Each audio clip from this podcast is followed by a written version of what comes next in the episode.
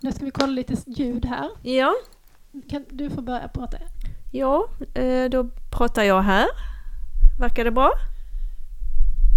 Du får prata lite mer så jag hinner kolla. Ska jag prata lite mer? Prata på bara. Berätta var vi befinner oss. Ja, vi befinner oss i eh, Kåseberga. I eh, ett av eh, de äldsta husen faktiskt här. Mm. I lejet. Men Kåseberga, räknas det som Österlen? Räknas Ja, det tror Det är jag. så långt söderut menar jag. Vid sydkusten. Ja, ja, jag vet faktiskt inte.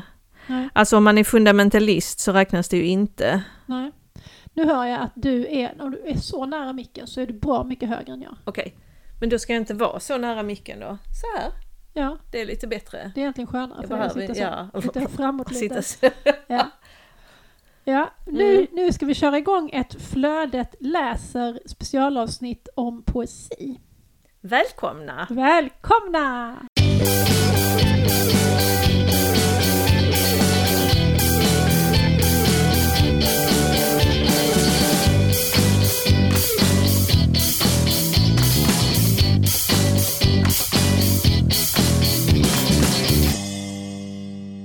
Det här är vårt tredje avsnitt av Flödet läser. Ja, Flödet läser sommar nummer två, får man ju säga då, för att krångla till allting. Men eh, vi har ju haft, eh, som vi pratat om innan i vanliga flödet, problem att komma i, loss med Flödet läser i och med Corona.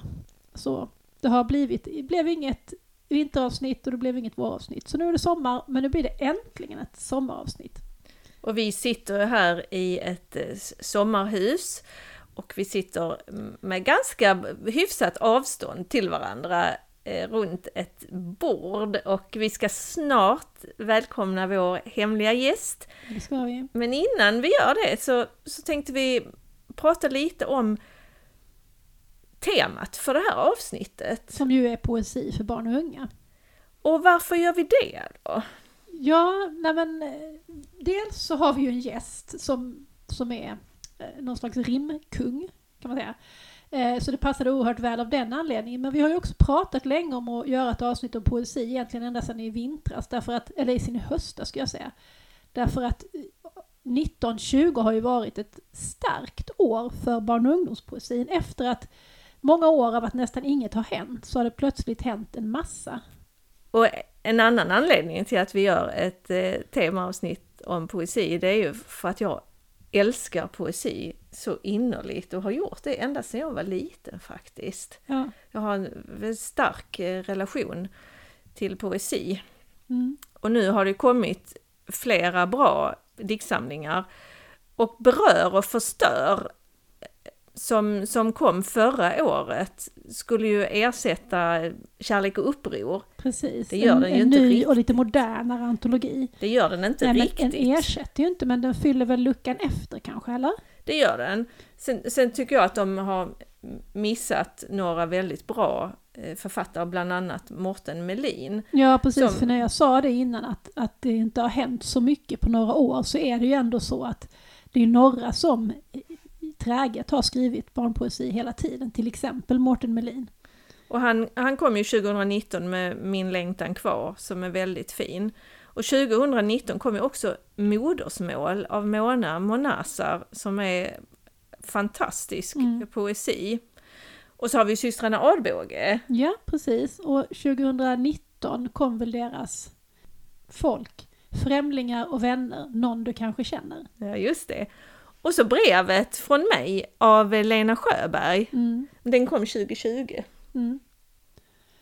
Och sen kommer det en, eh, en guide till att läsa och skriva poesi. Ja, det är titeln Mm. faktiskt. Och det är Jenny Edvardsson Ja, just det. som nu är på eh, Lärarhögskolan i Kristianstad. Japp. Ehm, och den kommer ut på Vilja förlag. Den finns faktiskt så att man kan kika på den redan nu, några sidor på smakprov.se. Mm. Guide till att läsa och skriva poesi. Mm. Och den, den riktar sig till hela grundskolan och gymnasiet, var det inte så? Ja, precis. Eh, till, eh, ja, som en lärarhandledning. Och när jag, när jag eh, tjuvläste i den så, så tänkte jag att den köper jag absolut Mm. när jag börjar jobba igen i Mm. augusti.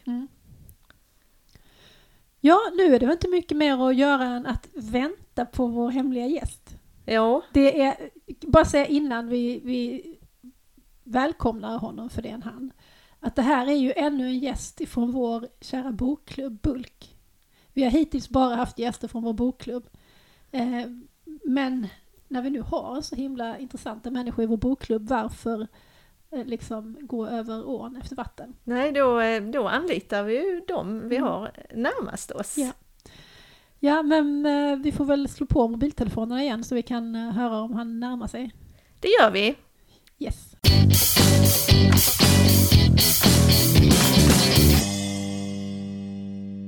Ja, här sitter vi och kanelbullarna är på bordet Ja, och vi dricker te och kaffe. och kaffe idag faktiskt. Det brukar vi inte göra i flödet, men vi gör ett undantag eftersom vår eminenta gäst idag är kaffedrickare.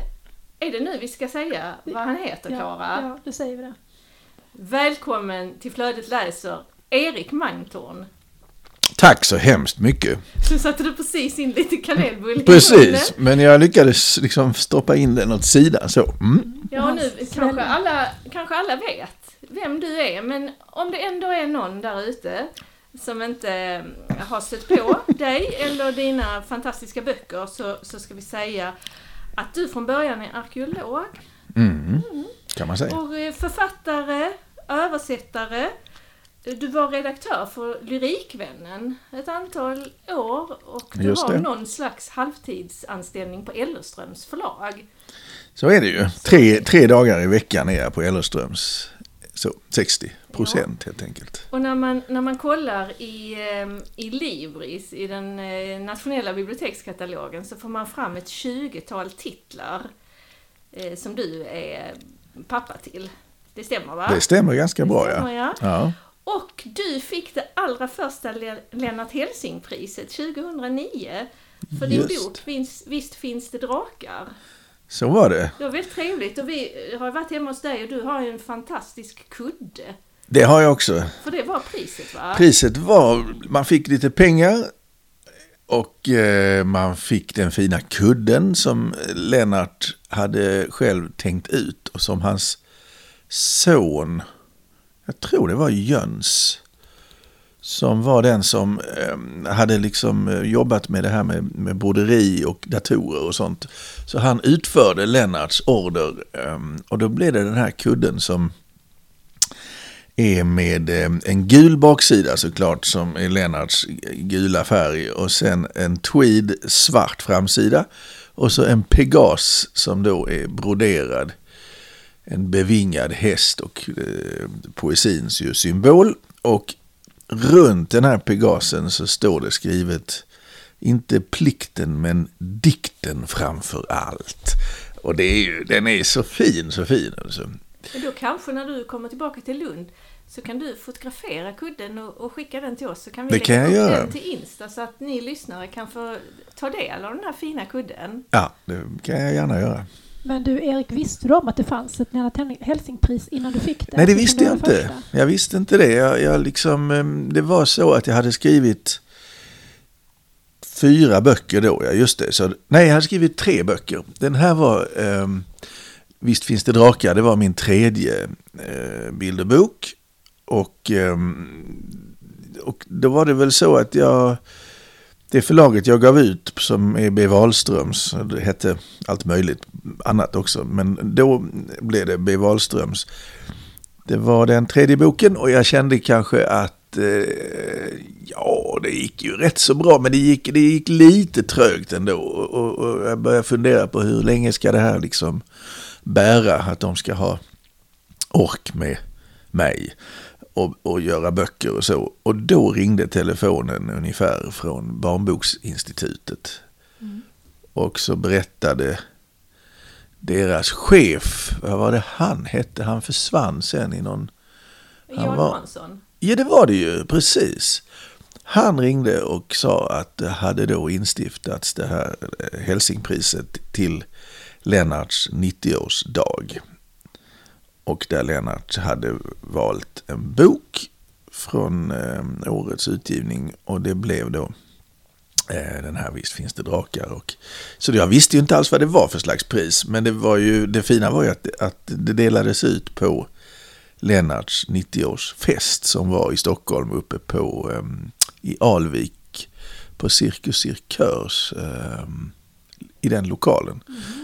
Så det var cirkusföreställning med, med liksom, eh, krakelspektakel och kusin Vitamin. Och sen var det stort partaj och alla var där som hade jobbat med Lennart eh, eller släktingar till eh, till eh, till exempel Paul Ströyers hustru och ja, lite sådana riktigt gamla och fram till de unga och, och det, ja, det var så kul. Det låter jättehärligt. Det var väldigt härligt. Vad hade han för färg på kostymen? Ja, men då hade han faktiskt, tror jag, om jag minns rätt, en vinröd kostym den kvällen, lite oväntat.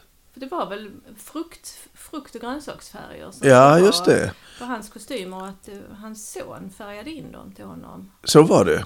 Hans son, jag tror det var samme Jöns alltså, som sen stod för kuddens broderi. Det, då berättades ju att, att han hade sagt till Lennart att om du vill kan jag färga in kostymer till dig om du bara ger mig en färgkod. Och så hade Lennart köpt två vita kostymer och så två påsar. I ena påsen droppade han ner en citron och i den andra en apelsin. Det var färgkoden som Jöns fick ta med sig.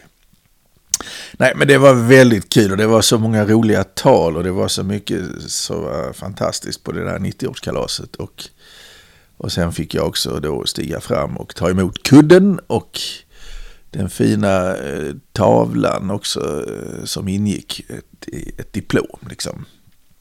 Eh, och eh, det, var, det var faktiskt eh, att, att, att att få eh, ta emot ett pris från sin idol sen man var liten. Det kändes helt overkligt. Då kan man säga att du pikade för 11 år sedan. Det, ja, men det, så var det ju. Då pikade jag alltså.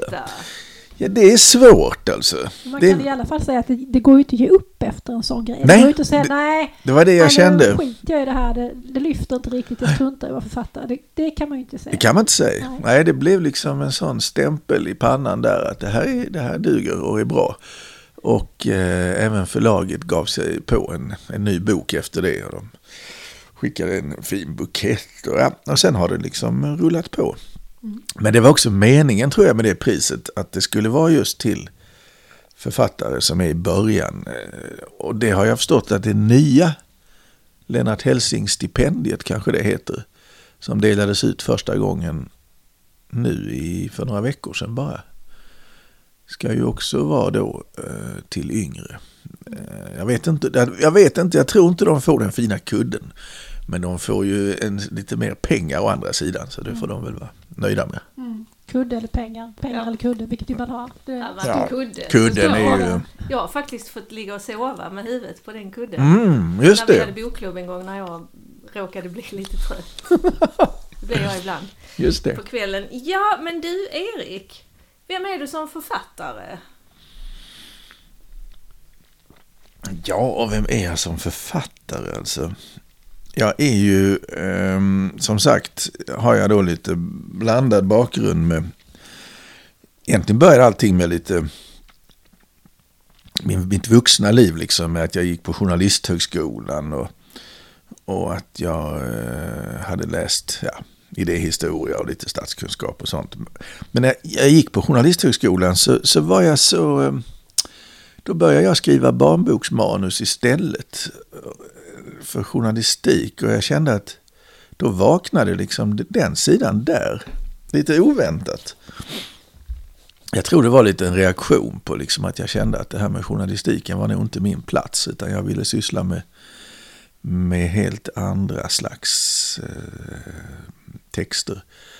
Och, och sen blev det som då arkeologi och antiken och det här. Och då pausade nog det här barnboksskrivandet och sen så kom det tillbaks igen när jag, när jag eh, började, gick tillbaks till förlagsvärlden. Så att det har varit en liten sån där krokig väg. Men jag kan tänka mig att som författare så är jag liksom jag har alltid varit så otroligt eh, intresserad av ord. Och jag har varit intresserad av musik i, i form liksom. Alltså i vers och i, i poesi. Och, och jag har varit väldigt intresserad av grejer, alltså som man är som arkeolog också. Alltså vad, saker som berättar, um, prylar och, och sånt man hittar. Och, och att försöka liksom um, beskriva det i ord. Och sen har jag varit väldigt intresserad av tiden och att resa i tiden och så. Um, så jag har varit lite sådär um, förälskad i just gamla saker, gamla berättelser, gamla ord. Och, och uh, det här liksom uh, uh, lite när man, det, det, är lite, när, man, när, man, när det blir vilt och när, när det liksom som Hälsing också håller på med det här lite vilda, galna, lite knasiga. Mm. Nonsens åt det hållet egentligen. Mm. Där någonstans tror jag jag är. Mm. Um. För jag tänkte på detta med varför det har blivit så mycket poesi för dig. Och då tänkte jag att det kanske är just för att du är så intresserad av orden att liksom experimentera med dem och vrida, vrida och vända på dem. Och, mm. ja, någon slags uppfinningsrikedom i språk och ord. Liksom. Ja, men det Som tror jag. Det kan nog stämma. Um, det, och sen jobbade jag ju ganska länge på Nationalencyklopedin och där var det ju också väldigt mycket ord och konstiga ord och knasiga ord. Och, det var också en sån här plats där jag, nej men jag, jag kan vad gjorde du på Nationalencyklopedin? Ja men där, där, eh, när jag hade gått ut Journalisthögskolan som jag gick i Göteborg så, så fick jag ett erbjudande via en, en eh, god vän egentligen eh, om att hoppa in på redaktionen som assistent. Och då blev jag det som kallades för redaktörsassistent, eller man kan säga lärling nästan. Och då jobbade jag med idéhistoria och filosofi och antiken och humanistiska ämnen lite psykologi och sånt. Ehm, och eh, det var ju helt underbart knasigt egentligen alltihopa. Då, då jobbade jag i Höganäs i början. Så man fick pendla upp i bil till Höganäs. Och då var vi massor av unga, unga människor som just eh, fick liksom vår första förlagskontakt eh, där. Och så jobbade jag med en helknasig och underbar människa som hette Margareta Ingvar som var min, så att säga, ehm, redaktör som jag hjälpte.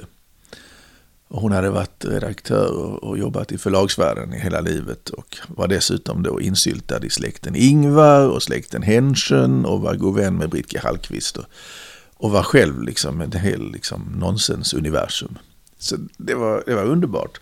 Så hon inspirerade mig väldigt mycket. Eh, och det var faktiskt då som jag eh, började just skriva på allvar eh, de här också barnboksmanusen. Men sen skulle det ju dröja liksom tio år till innan jag gav ut första boken. Vad kul att du säger att det, att det spritter, för att jag, jag tycker att det spritter om dina ord. Verkligen. Och så kommer jag att tänka på ett seminarium på Bokmässan senast nu, eh, förra hösten, som handlade om poesi. Där du sa något väldigt bra. Du kaxade till dig och sa att folk behöver skärpa sig. Att de skriver för dålig poesi. Ja, ja. Och, då, och jag, tyckte det var, jag tyckte det var väldigt bra. För att ofta på bokmässan så alla håller med varandra och, och det är ju härligt att alla håller med varandra. Men, men, eh, men det stämmer ju att, att det finns folk som, som, som rimmar jäkla slarvigt. Plus att ja, precis som att om du bara eh, får till ett rim så räcker det liksom. Just det. Ja. Nej, men och det... så är det ju inte riktigt för sen när man börjar läsa de där rimmen så går det ju ganska illa för högläsaren. Det gör det ju. Man hamnar helt ute i diket. Alltså, eh, Nej men det är sant. Och jag skulle nog liksom säga att det skrivs väldigt mycket sån här liksom undermålig just när det handlar om, om rim och vers. Så att säga. Det är den, inte poesi i allmänhet, men, men just när det kommer till det här med... Rimmade barnböcker kanske eh, vi ska säga. Det kanske inte ens är poesi egentligen. Nej, det bara, det bara råkar liksom vara sista två bokstäverna som rimmar. Ja. Jag förberedde mig ju lite igår och jag läste högt jag satt här i soffan och läste högt för mig själv. En ballongfärd genom tiden. Skandinavien, Rom, Grekland och Egypten. Eh, som kom ut här om året. Och Den är ju väldigt, väldigt fin. Det är ju en tidsresa. Just det. Och, och hur... eh, Inte, det, det är ju inte bara att det rimmar utan orden hakar i varandra. Det är så fantastiskt vackert. Nu ska jag bara läsa några strofer här, sen ska du läsa själv, för du läser väldigt fint själv. Natten faller, vågor skummar, aftonstjärnan lyser. Slumra in, låt tiden gå. Ta filten om du fryser. Alltså det är ju så fantastiskt vackert. Erik. Ja, nej men det är ju, det är ju, det är så, eh, det är så spännande när man, när man skriver sådär med, med, med rim och vers och man har en idé och, och när det är något, känns det som något, eh, en del av en sinne som, som hjälper till liksom att få fram de där ja, musiken i det på något sätt. Eh, och, och också överraskar ibland med ord som, som driver handlingen åt ett håll som man inte själv egentligen var medveten om. Alltså det, är- ja, det, är, en väldigt, det är en väldigt härlig form att skriva i med, med de här eh, rim och vers. För att det, du kan också gå runt och liksom tugga på det och, och, och låta det liksom vila lite i skallen. Och det är inte så tungrott utan det är, det är på inspiration och man... Eh, Eh, ibland om man är lite sådär pretentiös så kan man ju då tycka ibland att det är härligt liksom att få vara eh, ett slags instrument själv. Att man blir det. Att, att man har en idé och man har vissa ord och sen så, så tillåter man sig att få vara liksom sitt eget instrument. Och i bästa fall så kommer det. Du menar att du liksom går runt och grunnar på saker som typ om du skulle bara improvisera på ett instrument och så kommer det liksom... Ja men lite så ja. dig. Och att, att man kan eh, man kan gå med en historia som är lite eh, halv, halvfärdig och, och sen så sen är det klart att, att det där instrumentet jobbar ju också när man sover. Så att när man vaknar så kan man ibland eh, förvånas över vilka lösningar som har liksom kommit fram. Ehm, och sen är jag ofta sån att jag det kommer gärna när jag är ute och cyklar runt på landet och sånt där.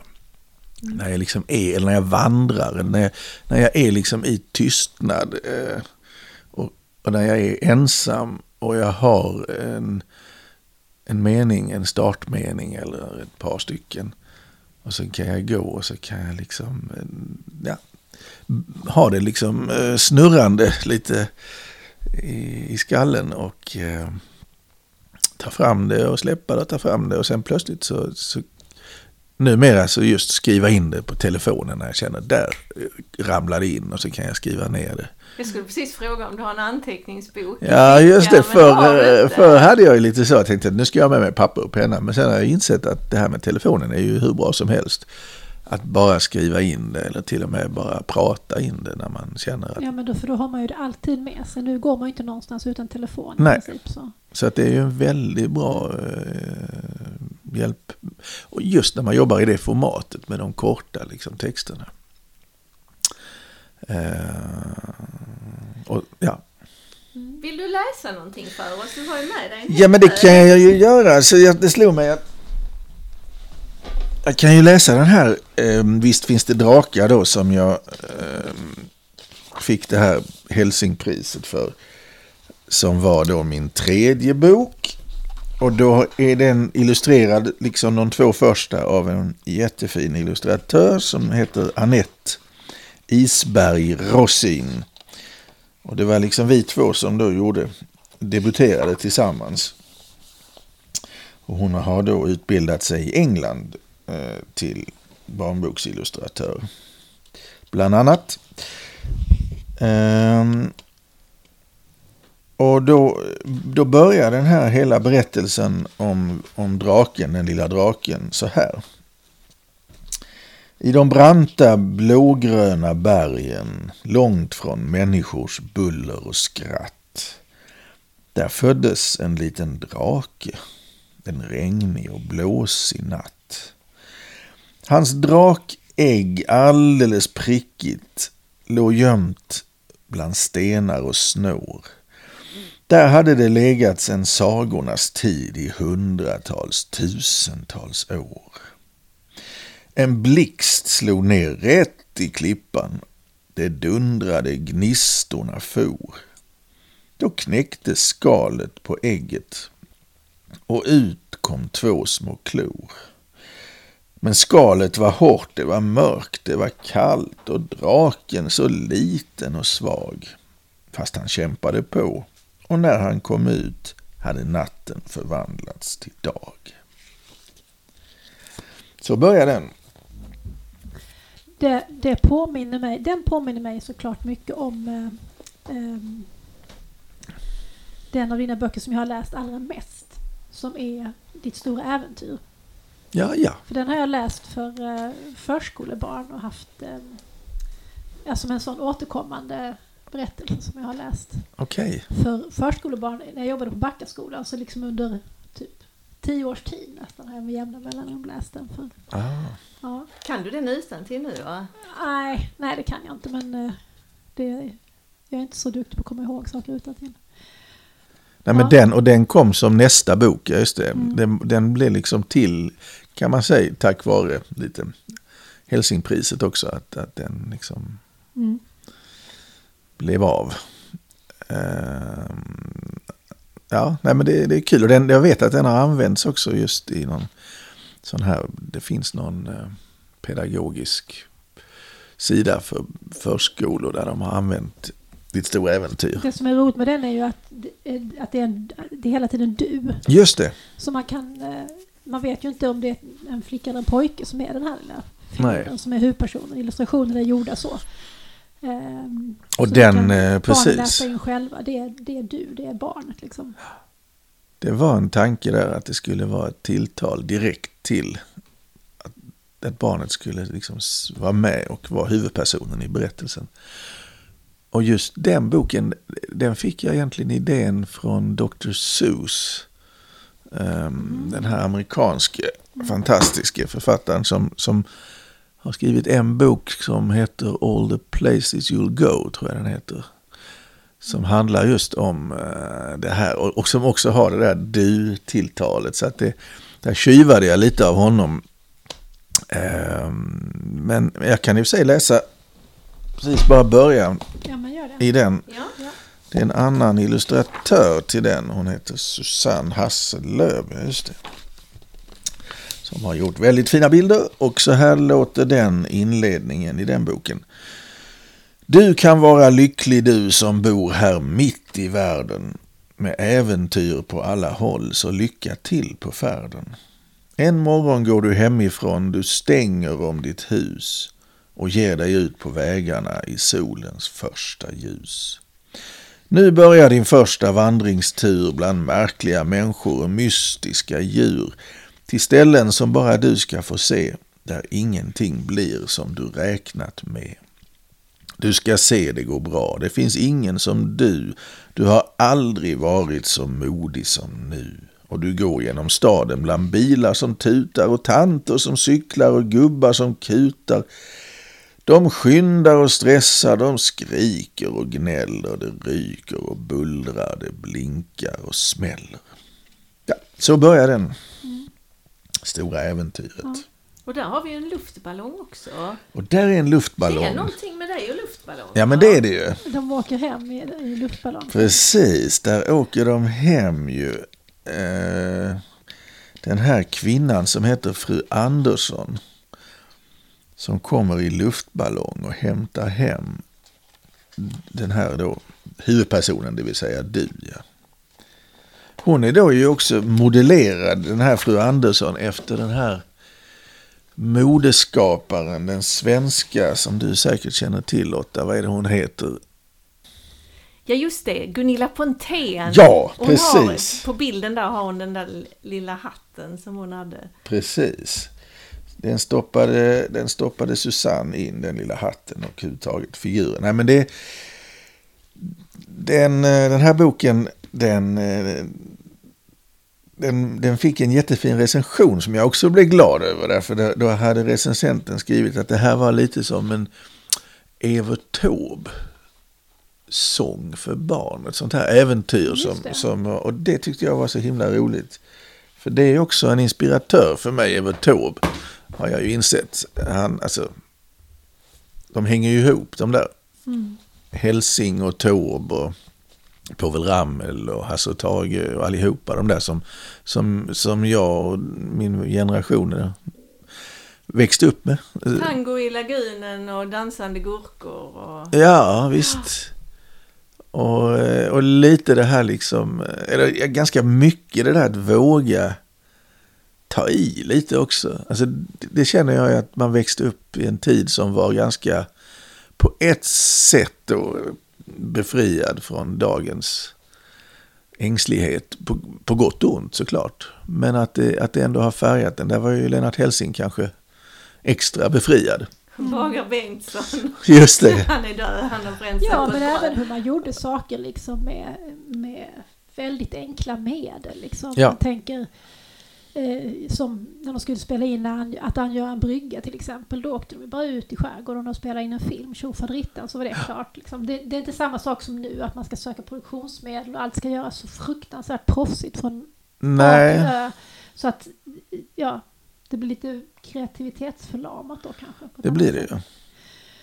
Ja, men Lotta, du nämnde ju inledningsvis att du har ett sånt, sånt starkt förhållande till poesin och sån stor kärlek till poesin. Jag är ju ingen sån poesimänniska överhuvudtaget. Jag tror att det beror på att jag är lite för... ehm, jag är ju en väldigt otålig läsare. Jag gillar ju inte ens noveller. Jag vill läsa stora mängder text som jag kan moffa i mig i snabb takt. Mm. Och, och poesi lämpar sig inte riktigt läsas på det sättet. Liksom. Man måste läsa det lite långsamt och eftertänksamt. Och det, det är inte min grej. Men du nämnde ju eh, Britke Hallqvist Mm. eh, Just det. inledningsvis. Och jag har haft en del roliga stunder nu på senare år när jag har läst den här eh, Festen i Hulabo Ja, ja. Just det. för eh, olika grupper. Eh, och sen inför idag då så tänkte jag, men vad har jag nu för egna liksom, relationer till poesin? Och så gick jag och tittade i bokhyllan och så hittade jag faktiskt en annan Britke Hallqvist bok. Folk är så olika heter den, en liten diktsamling. Och den har följt med mig genom livet och genom alla flyttor och allting. Till Klara på åttaårsdagen. Birgitta och Rolf står det här. Dedikation. Det är mina föräldrar. Eh, så på den tiden gav man liksom en åttaåring en diktsamling i åttaårspresent. Det hade man kanske inte gjort idag om det hade varit en väldigt speciell åttaåring. Nej. Men eh, Ja. Hon, hon, ja, henne har jag ju också väldigt, eh, vad ska man säga, hon har också inspirerat mig väldigt mycket, Britke Hallqvist. Mm. eh.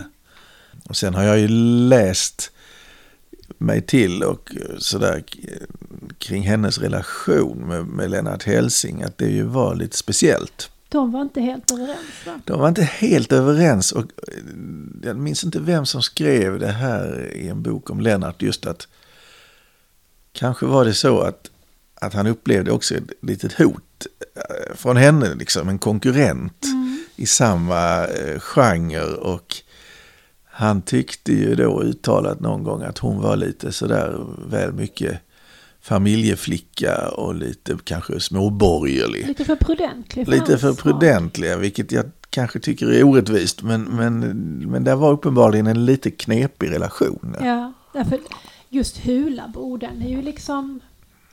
Där finns det ju ett starkt släktskap till Helsing och hans Mm, dikter. verkligen. Här Folk är så olika är ju lite annorlunda men... eh, Ja, Är det något som du vill läsa ur den? jag kan läsa en som jag i alla fall när jag var liten kände igen mig i väldigt mycket. Ni vet när man gick hem till folk gjorde man ju egentligen mer va? När man var i, liten i vår ålder än vad barnen gör nu för tiden. Alltså man bara gick och plingade på någon och så kanske man blev kvar och åt middag ibland och sådär. Och det var ju trevligt men det fanns ju alltid vuxna. Och, och de kunde ju vara olika läskiga liksom. Vux, andras vuxna liksom som hade andra vanor och andra sätt att vara på. Och här är en dikt som heter Philips farsa. Som går så här. Philips farsa är en obehaglig en. När jag äter middag där tittar han på mig med sina krusbärsögon och frågar Vilken är den största planeten? Vem uppfann telefonen? Hur mycket är 673 delat med 13? Jag stirrar in i krusbärsögonen och blir röd och spiller soppa. Äh, lägg av, säger Filip. Men hans farsa lägger aldrig av. Det värsta är när han säger How do you do? Vad ska man svara på sånt? Åh, vad Ja, det- underbart! De där farsorna har man väl ändå mött? va? Och Absolut. min pappa var lite likadan. Liksom. Man skulle alltid försöka vara lite rolig vid middagsbordet när man hade kompisar hemma. Ja. När de inte ville ha mat så frågade han Bantar du? Nej men oj. Det här var jätte, jätteroligt. Ja, men det är, ju- den är ju det är en helt genial dikt egentligen. Ja, den är mycket fin. Just att hon liksom kan leva sig in precis i barnets, eller i sitt eget barns liksom, eh, känsla. Vad läste du när du var liten då? Ja, och vad läste jag? Alltså vi läste ju högt väldigt mycket av det här liksom Astrid Lindgrens berättelser och folksagor minns jag att vi läste. Det tyckte jag väldigt mycket om. Ehm, och sen läste vi de här Jakob och Joakim. De här danska Ja, eh, bilderböckerna som var lite sådär, man, man fick pyssla lite och tänka lite. Och, min mormor hade någon sån som hon brukar läsa för oss. Ja. Ehm, men jag har liksom aldrig egentligen varit någon bokslukare sådär, utan jag har mer, jag har mer eh, läst lite då och då. Och, jag har som sagt väldigt gärna läst de här lite... eh, eller läst, jag har lyssnat mycket på sångtexter tror jag. Jag tror det är det som också har varit en ingång för mig. Bland annat just, jag hade en sån här otroligt lillgammal, eh, lillgammal upplevelse eller känsla när jag var kanske, kan jag ha varit, åtta, nio år. Att jag tyckte, varför har liksom Evert Taube skrivit allt det som jag skulle skriva? Det var ju väldigt konstigt, det var ju, hy, ja, det var ju hybris. alltså. Eh? Verkligen. Jag hade någon slags idé om att jag nog skulle liksom bli just en sån där som han. Eh, på något sätt. Eller som, eller ja, jag hade de där idolerna. Men Evert Taube har jag också ett väldigt starkt förhållande till. Det var mycket Evert Taube i Ja. uppväxt. Man, man sjöng de där sångerna och min mormor hade ingen radio i bilen för hon tyckte det var var så mycket ljud och musik på andra ställen så man behövde inte ha någon radio. Men när vi åkte bil med henne så sjöng vi alltid Evert Taube-sånger. Liksom. Just det. Ja. Jag har ju sett Evert Taube en gång på Grönan i Stockholm för jag hade en tant som, som bodde på Djurgården och de som bodde väldigt nära Grönan de eh, hade gratis entré. Så vi fick gå in backstage så att vi stod alldeles nere vid scenen när han uppträdde. Jag tror att det delades ut något eh, Evert Taube-stipendium också och han var med där. Aha. Så det var en rätt speciell Ja, upplevelse. Ja. Ja, det, sen kan jag ju också säga att, att just nu återvänder jag till det här men liksom Povel Ramel är en otroligt stor inspiratör så har jag känt. Att man, jag älskar att lära mig hans liksom, texter. Och Det är ju också på. orden, ordtrolleriet. Det är Liksom. trolleri, ja. Det, det var så himla lyckat att, att de fanns där liksom för en när man var i den åldern. Att man bara sög i sig. Ehm, Nu kom jag att tänka på någon helt annan. Ola Magnell och Påta-låten. Jag har kunnat alla de verserna utan till. Det känner jag inte alls till. Du känner inte till? Ja, jag är lite äldre än ni. Ja, alltså, nej, alltså, han är- jo, jag har- Du har känslan men inte rätta viljan. Precis. Att sitta ner och hitta på en visa så fin när du ränner hän i sken, sken upp på tiljan. Ja, bunden studsar upp i sin nya slott. Ja, jag ska inte ta hela men nej, men det, jag kan det, den nog fortfarande. Jag ska inte sjunga den. Jag- Nej, men just när Ola Magnell eh, gick bort här så insåg jag att han var liksom en liten vit fläck för mig. Eh, Och det kanske är generations... Vi sjöng, vi sjöng hans eh, låtar jättemycket. Mm. Men du hade också med dig någon Jag har med mig, barndomspoesi, va Lotta? jag har, jag har med mig eh, en, en bok och ett starkt minne. Och den boken jag har med mig det är Nu ska vi skoja, sa en goja av Elisabeth Frankel och Solveig Irene. Och den här boken fick jag när jag var väldigt liten. Eh, jag tror att min mamma eh, köpte den i bokhandeln i Simrishamn och att den låg i någon fyndlåda. För den, den kom ut 1956 och det här måste varit något år in på 60-talet. Och den här boken läste de för mig. Eh, för jag skickade ut en fråga till mina eh, stora systrar igår. Jag har fyra, fyra stora systrar och tre extra eh, systrar, tre amerikanska systrar som var utbytesstudenter hos oss på 60-talet. Och då fick jag till svar att alla läste den här boken för mig och Marsha, en av de amerikanska systrarna, hon läste den tusen gånger. Och när en av mina systrar hälsade på henne för några år sedan så kunde hon den fortfarande. Det var liksom det på svenska Wow. hon kom ihåg. Och sen hade vi också en norsk tant som kom till oss ganska ofta och hon läste den också för mig. Och den, och nu googlade jag den i, igår och då visade det sig att ett ex av den här fantastiska boken har sålts på Tradera i maj i år för 25 kronor. Då får jag hjärtklappning. Jag Fan hade, vad billigt. alltså jag hade kunnat betala tio gånger så Men mycket du för har ju den. den redan ju. Ja men då skulle jag ju kunna ge den. Till exempel till dig Erik. Det hade ju Men varit flott den- förstås. Det, det är fantastiska illustrationer och de här små rimmen. Nu ska vi skoja, sa en papegoja. Idag fyller jag år, sa ett får. Då ska vi ha fest, sa en häst. Det- Den här känner jag igen. Den Men hade vi. var, sa en dromedar. I djurfolkets hus, sa en mus. Djurfolket. Djurfolkets hus, sa en mus. Kom låt oss åka, sa en kråka. Ja men hur, sa en tjur. Och så, så, fortsätter, den, så fortsätter den så. Och så är det, alltså den, de här, de här um, verserna, de, de var någon slags allmängiltigt gods i min familj, där jag eh, Mm. växte upp. Så om man sa men hur så var det genast någon som Ja. sa Så här, jag vill Ja. ha sås, sa en gås. Ja. Jag dricker vin, sa ett svin. Nu håller jag tal, sa en val. Hurra för vårt får som fyller år. Skål, sa en ål. Alltså det är, det är underbart. Men sen är det också en grej om när de bjuder upp till dans som också är, ja, får jag dansa med tant, sa en elefant. Jag är inte så van, sa en pelikan. Ni trampar på min häl, sa en säl. Så att de här orden, den, de, de här orden, de, de har, har liksom ett eget liv. Ja. Och på andra sidan Atlanten också. Så jag, jag, jag känner igen att jag, den här har vi haft också. Och jag kan precis minnas när du läser. Vi lägger upp, vi lägger upp eh, bilder på alla böckerna. Men på baksidan, så, alltså på omslagets baksida så är det en, ett huvud, en kamelhuvud och så står det Förlåt, jag kom fel, sa en kamel. Det är genialiskt. Ja, det är det. Det är lite Dr. Seuss-aktigt det där.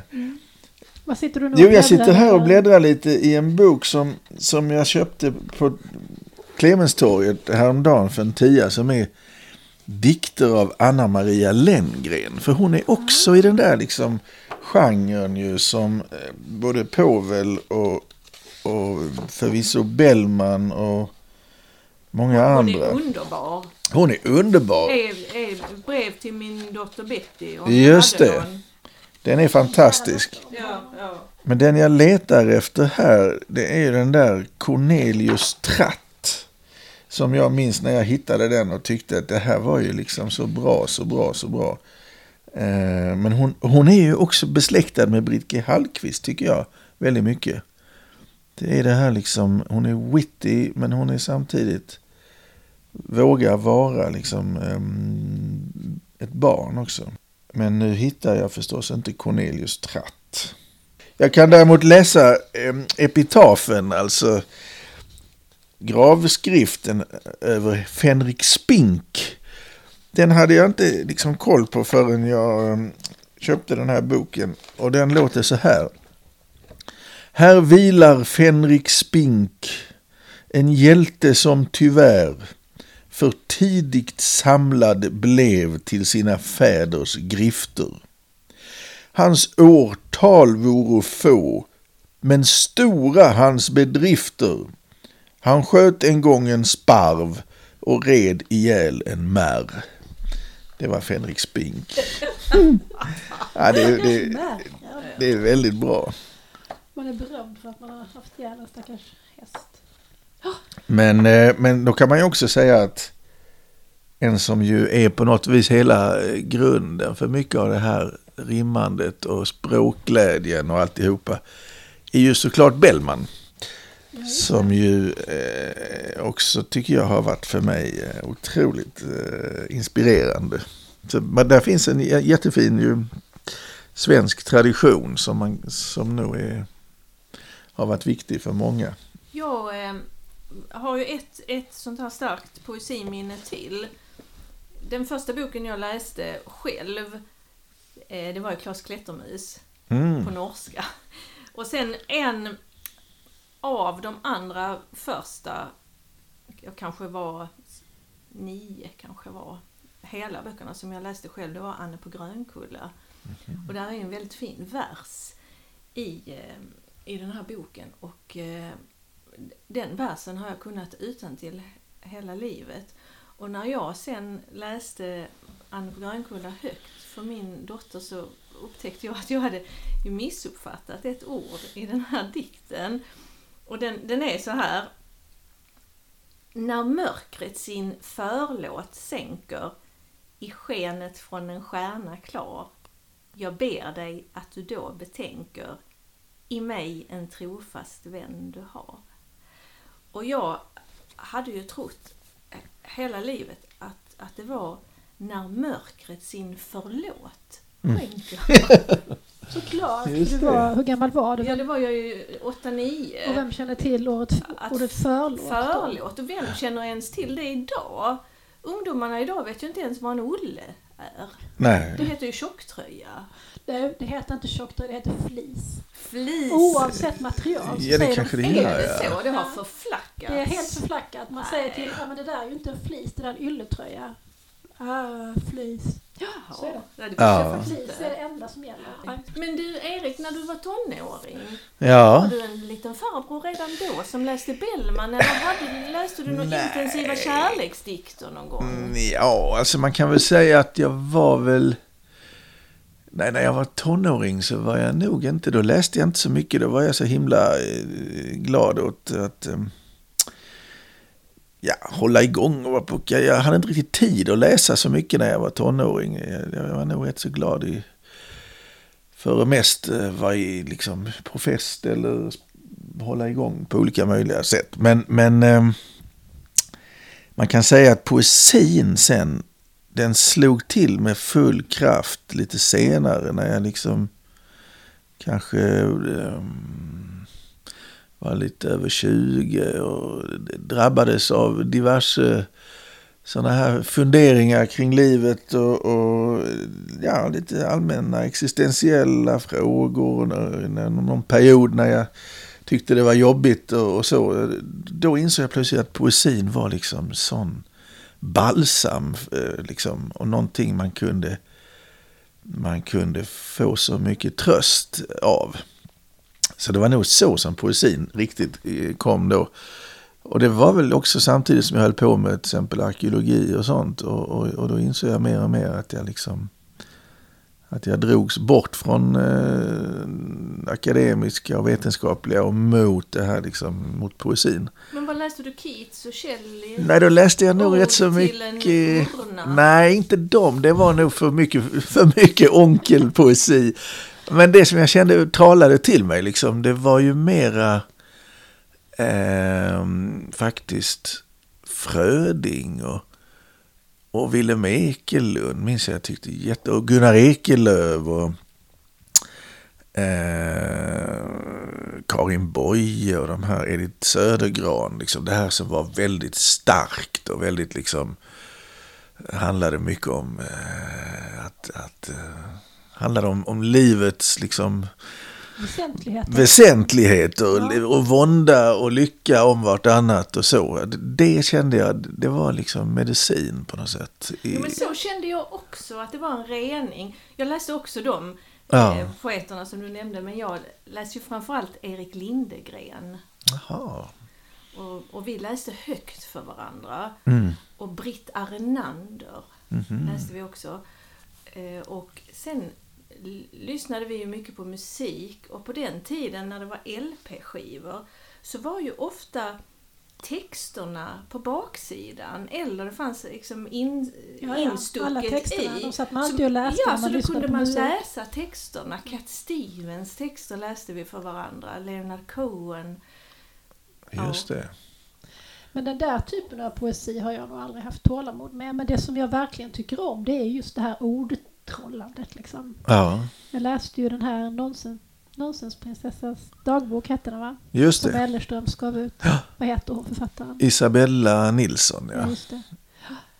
Den Hon, läste jag när den kom ut och den älskade jag ju. För det är det där liksom att man har total frihet i, i fantiserandet kring orden. mm, Det kan jag gilla. Men när det handlar för mycket om själen och så. Fast det behöver ju inte vara Alltså det gör ju hennes dikter också faktiskt. Det gör de. Men det får inte Jag bli tänkte, för på, jag tänkte på, på liksom. Erik Lindegren. Där, där kan man ju, man kan ju lägga så mycket själv i det.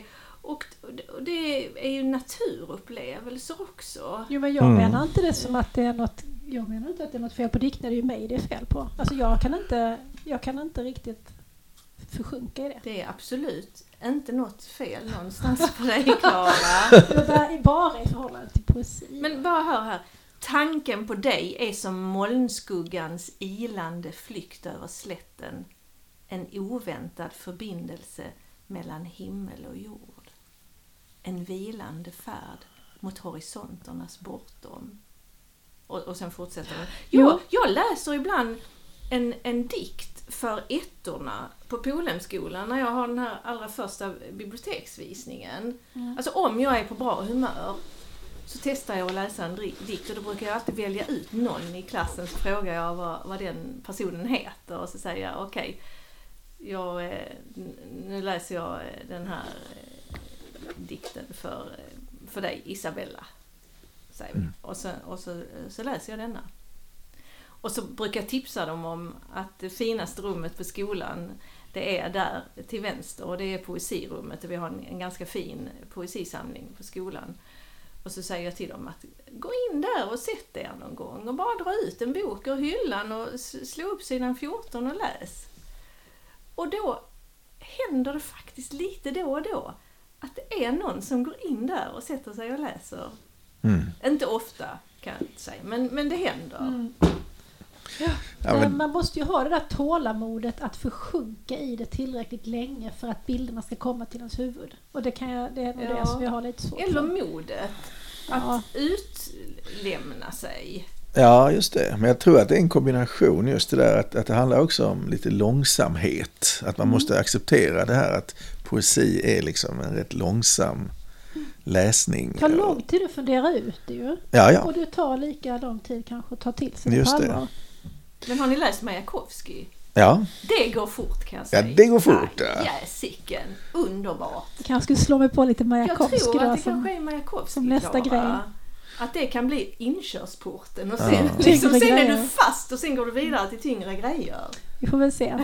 Men sen en poet som jag eh, tidigt fastnade för och som jag fortfarande tycker är eh, väldigt fin, det är Hjalmar Gullberg. Ja. Som liksom både är från eh, trakten, vi har Lund och Malmö och, och sen det hela det här liksom grekiska, antika och, och samtidigt väldigt mycket eh, fina liksom känslor. Och, och där kommer en annan skåning, om man nu ska prata om, om skåningar när man är här i Kåseberga, men ehm, som liksom introducerade mig till poesin genom en skiva. Och det var faktiskt, det var faktiskt eh, Warnebring, alltså Östen, Östen ja. Warnebring, som gjorde en skiva som hette Skåne. Där han hade tonsatt poesi från Skåne. Aha. Och den är så otroligt fin den skivan. Och där är en dikt som ju Hjalmar Gullberg har skrivit som heter Till en näktergal i Malmö. Som är, den är så vacker och den är så eh, liksom eh, melankolisk. Den här liksom mannen som ligger för döden på ett sjukhus i Malmö och hör sin, ja det är en självbiografisk dikt helt enkelt. Jag mötte människor från så många länder. Men varför? Blev jag ensam under skyn. Precis, och så kommer det, efter det kommer det som jag har fastnat för. Jag älskar det som flyr ur mina händer. Jag älskar det som doldes för vår syn.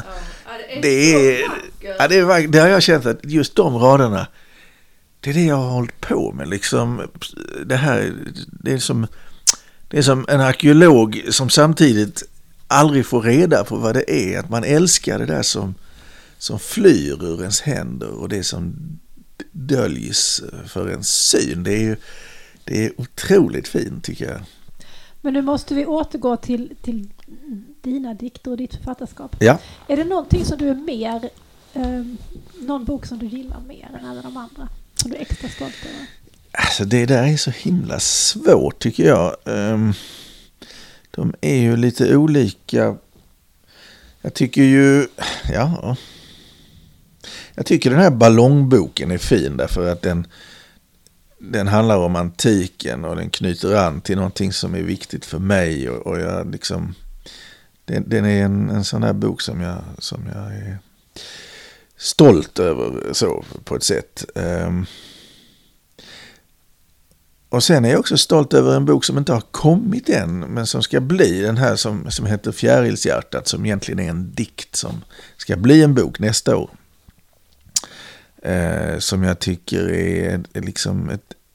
Det är ingen, ingen rimmad eh, dikt, utan det är, en, ja, det är mer en, en fri dikt. Men som jag känner att där försöker jag hitta det där som vi pratade om med Britka Hallqvist. Att försöka liksom hitta det där man kände själv som barn och sätta ord på det. Um, och, så den, och, och, den kan jag ju liksom vara extra stolt över eftersom jag inte har sett den ännu. Då känns det ännu bättre. Ja. När en bok har kommit så har den kommit och sen är man glad. Men sen efter ett tag så är den liksom så, ja, då har den, då har den liksom, uh, sen lägger man den lite vid sidan av.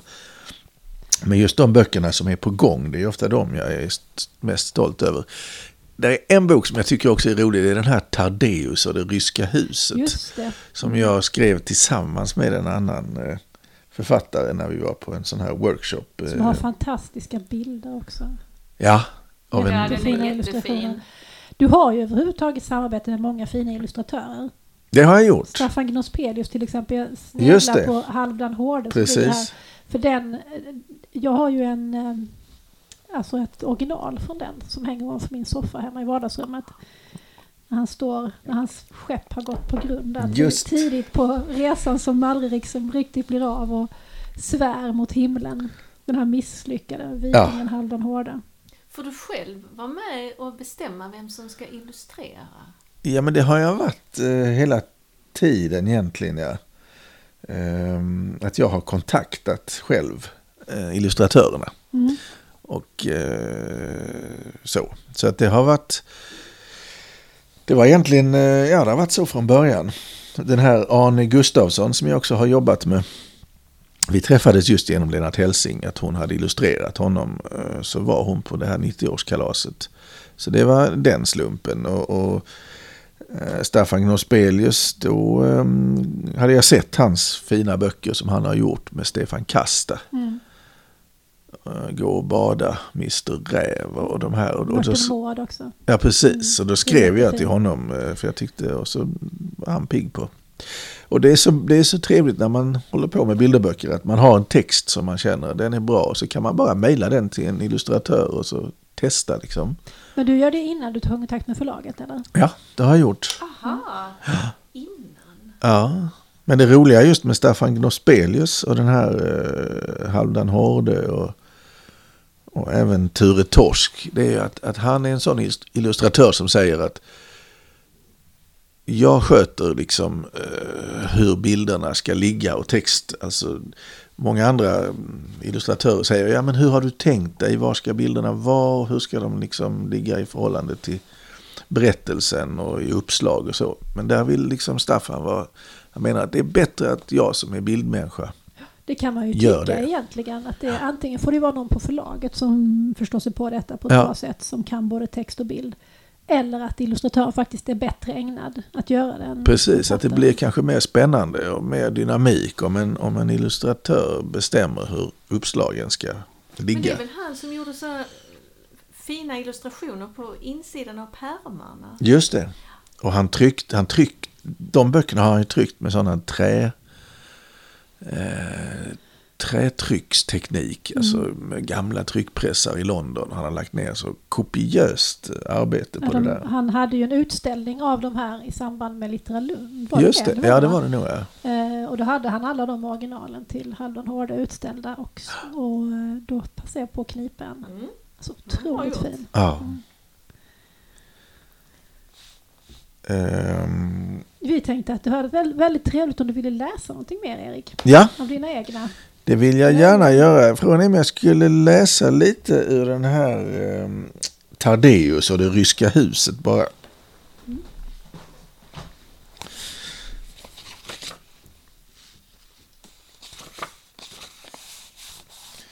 Ehm. Så här börjar den. I utkanten av staden finns ett fallfärdigt gammalt trähus som kallas för det ryska huset. Om man tittar efter noga ser man att det ligger uppe på en liten kulle som egentligen är en gravhög från vikingatiden. Länge stod det flera runstenar uppe på kullen men byggmästaren tyckte antagligen att de var mest i vägen för numera ligger de hopslängda bakom dasset längst ner i den vildvuxna trädgården. Morgonsolen får hustaket att skimra. Tardeus viker ihop ett par fransiga grå änglavingar och stoppar in dem under yttertrappan. Tardeus är liten och blek, går alltid klädd i en virkad tröja och har slitna lejonfärgade manchesterbyxor nerstoppade i ett par för stora gummistövlar. Han är en sån som har fötts med ordning och reda i blodet. Därför har han nästan alltid ett verktyg i handen. Ja, så börjar det. Och Tadeus är den här lilla pojken som, som sköter det här huset där det bor massor av underliga figurer. Den ena konstigare än den andra. Och som sagt, den här boken skrev jag tillsammans med Marita Gleisner som är en finlandssvensk författare. Och det var så himla roligt för att hon hade liksom de här uttrycken som jag aldrig skulle haft själv. Han är en sån som har fötts med ordning och reda i blodet. Det skulle jag aldrig kunna komma på, men, men det, det, det var väldigt roligt att göra den tillsammans. Hur gick det till rent praktiskt? Alltså vad, hur skrev ni? Det var på den Satt tiden ni tillsammans och skrev? vi satt tillsammans. Ja. Det var en sån här vecka workshop Ja. på Biskops Arne eh, för nordiska barn och ungdomsboksillustratörer och författare. Ehm, Ja, så parade man ihop sig. eh, Jag minns inte exakt hur det gick till. Och, så, och sen började man jobba. Och då, då minns jag att min son Måns som gick kanske i lågstadiet eller i första eller andra klass. Han hade en, en klasskompis som hette Tadeus. Tadeus som just hade stora gummistövlar och var väldigt sådär som en liten farbror. Och det nämnde jag för Marita. Och då uppfattade han, eller hon, att han hette Tardeus. Det blev liksom ett sånt knasigt namn. Det blev något... Jag vet inte vad det där namnet riktigt... Det, har liksom, det finns någonting så lite retarded, men Tardeus. Men, men det finns också någonting väldigt humoristiskt med han är liksom en sån underbar liten kille som... som eh, ja. Så att det, var, det var en sån här eh, process. Och sen satt vi och skrev tillsammans i, i ett par, tre dagar där och hade otroligt kul. Så det växte liksom fram Det växte från att ni hade den här karaktären som Precis. ni hade enats om. Och så bara kastade vi ur oss det ena och det andra. Och sen så var det en jätteduktig dansk illustratör, Bodil Mollisch, som lyssnade på det här när vi läste upp det sen på slutet när alla skulle läsa sina berättelser. Och då sa hon, oh det här vill jag illustrera. Och så gjorde hon det i blyerts och kol tror jag det. Och det var helt makalöst. Ehm, Men den finns, inte, finns den fortfarande att köpa? Eller måste man... eh, ja, den finns att köpa på, eh, på nätet och så. Ja, det är bra. Då, då vet ni det. Att köp Tadeus och det ryska huset. Ja, Fin liten bok. verkligen. Och eh, utgiven då på det här Lindskog förlag som har varit mitt förlag i, i stor, till stor del. Också ett sånt här underbart förlag som, som vågar liksom satsa på böcker som andra förlag kanske inte skulle göra. Och det är ju också en viktig aspekt eller en del av det här att skriva barnböcker. Att man har att det finns människor som vågar och tror på det som man gör och att det finns också de här lite udda små förlagen Mm. som kämpar på. Mm. Ehm, en annan bok som, som kom rätt så nyligen som jag har jobbat då med Lisa Sjöblom tillsammans. Vi har gjort rätt så många böcker ihop. Som är mer av poesi också, ren så här, eller vad ska man säga. Ja, vers i alla fall. Vers och, och eh, rim och lite mu- musik. Det är den blandade djur och den tänkte jag att jag bara kan läsa lite grann också om det första. Den första blandningen. Så här börjar den. Spindeln trivs bland smuts och damm, tittar inte gärna fram. Spinner nät i vackra mönster, bakom dörrar, mellan fönster, springer snabbt men snubblar sällan när den fångat något i fällan. Är en illa omtyckt sort, en som folk vill städa bort. Kråkan kraxar högt i skyn, hoppar sen i skogens bryn, äter skräp och döda djur, hittar korv om den har tur, vaknar tidigt, somnar sent, städar, stretar, håller rent.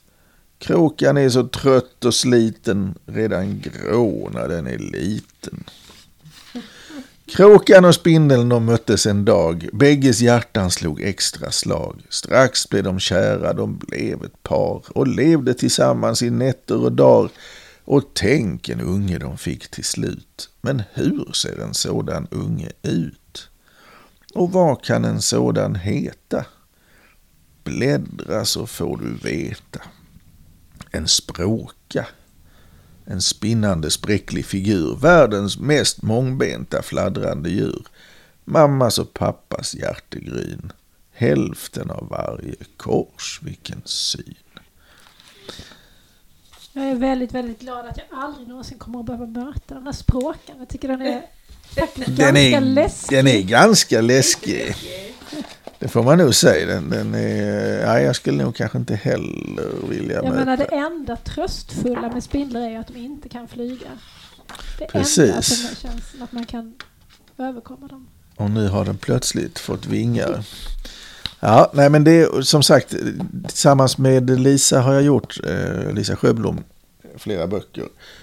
Och, och vi har liksom gjort mycket det här som jag också tycker är kul när det gäller bilderböcker och, och att, att ehm, man ska på något vis uppmana barnen till att vara med och, och vara delaktiga och hitta på saker. Så i den här blandade djur så slutar den just med att det är en uppmaning. eh, att Man, jag undrar liksom vilka djur som blandningar som barnen kan komma på.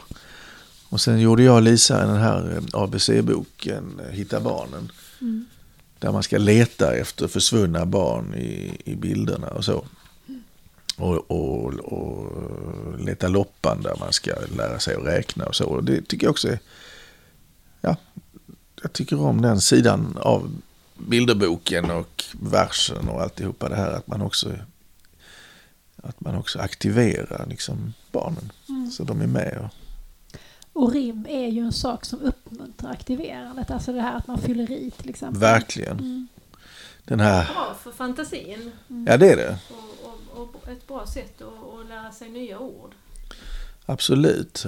Och det tror jag också att man underskattar liksom barns eh, förmåga att ta till sig nya ord och konstiga ord och, och, och eh, nyfikenheten på språk och ord. Eh, att, att ibland är man lite ängslig kanske idag när man att allt ska begripas. Men Ja. jag, tror att så behöver det inte vara. Men vi ska våga använda svåra och konstiga ord och Absolut. ord. Sen kan vi prata om det så att alla förstår Ja, vad vi menar. Vi kanske måste sluta där, men det blir ett fint avslut tycker jag. Att, eh, ja, det här med att vi ska gå vidare med detta. Orden, språket, Mm. språkglädjen. Vi ska tänja, tänja på språket, Precis. utveckla det, använda det. Skratta åt det, Skratta åt det. med det. Man kan avsluta också med eh, återigen Lennart Helsing som säger att språket ska vara en sockertång att gripa världen med. Det är väldigt fint tycker jag. Fint. Ja, Det var, det var en, en värdig avslutning ja av, eh, av det här avsnittet av Flödet läser. Tack snälla Erik för att du tog dig hela vägen från Lund ut eh, till kusten Denna blåsiga dag. för att sitta här och prata med oss. Det var väldigt trevligt. Ja, tack eh, till dig Lotta också för ett trevligt samtal. Ja, tack Klara. Så ska vi som vanligt tacka rektor Torbjörn för vår jingel som kommer snart. Och idag också ett extra tack till Polhemskolan för lån av mikrofoner. Ja, till Nils, vår musiklärare. Och till Mattias Persson på BTJ för teknisk support alltid. Yes, Tack Mattias. adjö. Adjö! Vi, eh, vi får se när vi, när vi hörs nästa gång. Ja, vi får se. Det blir som det blir. Ha det bra allihopa! Ja. Hej då! Hej då!